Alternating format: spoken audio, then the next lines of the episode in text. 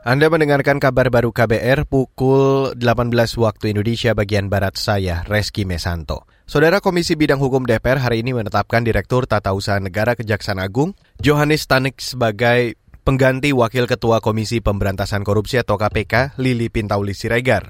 Wakil Ketua Komisi Bidang Hukum DPR Adis Kadir menyebut penentuan nama pengganti Lili Pintauli Siregar dilakukan secara voting setelah proses uji kelayakan dan kepatutan terhadap dua calon. Hasil perhitungan voting dengan sistem one man one vote satu orang satu suara dengan nama I Nyomanwara jumlah suara 14 kemudian saudara Johannes Tanak dengan suara jumlah suara 38 dan yang tidak sah ada satu suara. Total 53 suara sesuai dengan kehadiran kita semua Saudara itu tadi Wakil Ketua Komisi Bidang Hukum DPR Adis Kadir. Sebelumnya Komisi Bidang Hukum DPR melakukan uji kelayakan dan kepatutan terhadap dua calon pengganti Wakil Ketua KPK Lili Pintauli Siregar, yakni Direktur Tata Usaha Negara Kejaksaan Agung Johannes Tanak dan Auditor Badan Pemeriksa Keuangan atau BPK Inyoman Wara.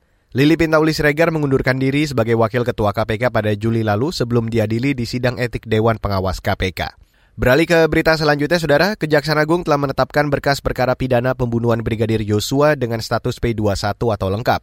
Berkas perkara itu milik tersangka Ferdi Sambo, Putri Chandrawati, Kuat Maruf, Richard Eliezer, dan Ricky Rizal. Jaksa Agung Muda Bidang Tindak Pidana Umum Fadil Zumhana hari ini mengatakan, selain berkas pidana lima tersangka, berkas perkara tujuh tersangka lain juga sudah P21. Fadil menyebut kejaksaan akan menggabungkan berkas perkara Verdi Sambo dalam kasus pembunuhan dan obstruction of justice untuk mempersingkat persidangan. Usai penetapan tersebut, hari ini penyidik Bareskrim mengambil surat pemberitahuan berkas perkara Verdi Sambo dan kawan-kawan yang sudah lengkap atau P21 di Kejaksaan Agung.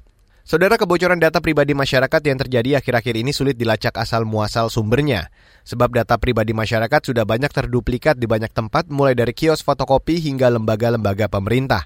Itu sebab Ketua Asosiasi Penyelenggara Jasa Internet Indonesia atau ABJI Muhammad Arif Angga mengusulkan penerapan sentralisasi pusat data nasional. Jadi banyak banget pihak-pihak yang menyimpan data sebenarnya. Kadang kebocoran ini sangat bingung. Misalnya data kementerian lain atau lembaga yang kita nggak pernah tahu. Jadi kalau menurut saya ke depan memang ini sentralisasi pusat data nasional ini menurut saya penting dilakukan sehingga ya jelas siapa yang menyimpan data sehingga sangat bisa dibilang meminimalisir terjadi hal-hal yang kebocoran lain, jelas siapa yang bertanggung jawab.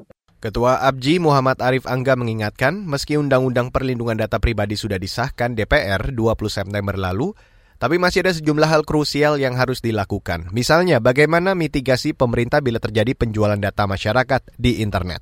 Dan saudara, demikian kabar baru saya Reski Mesanto.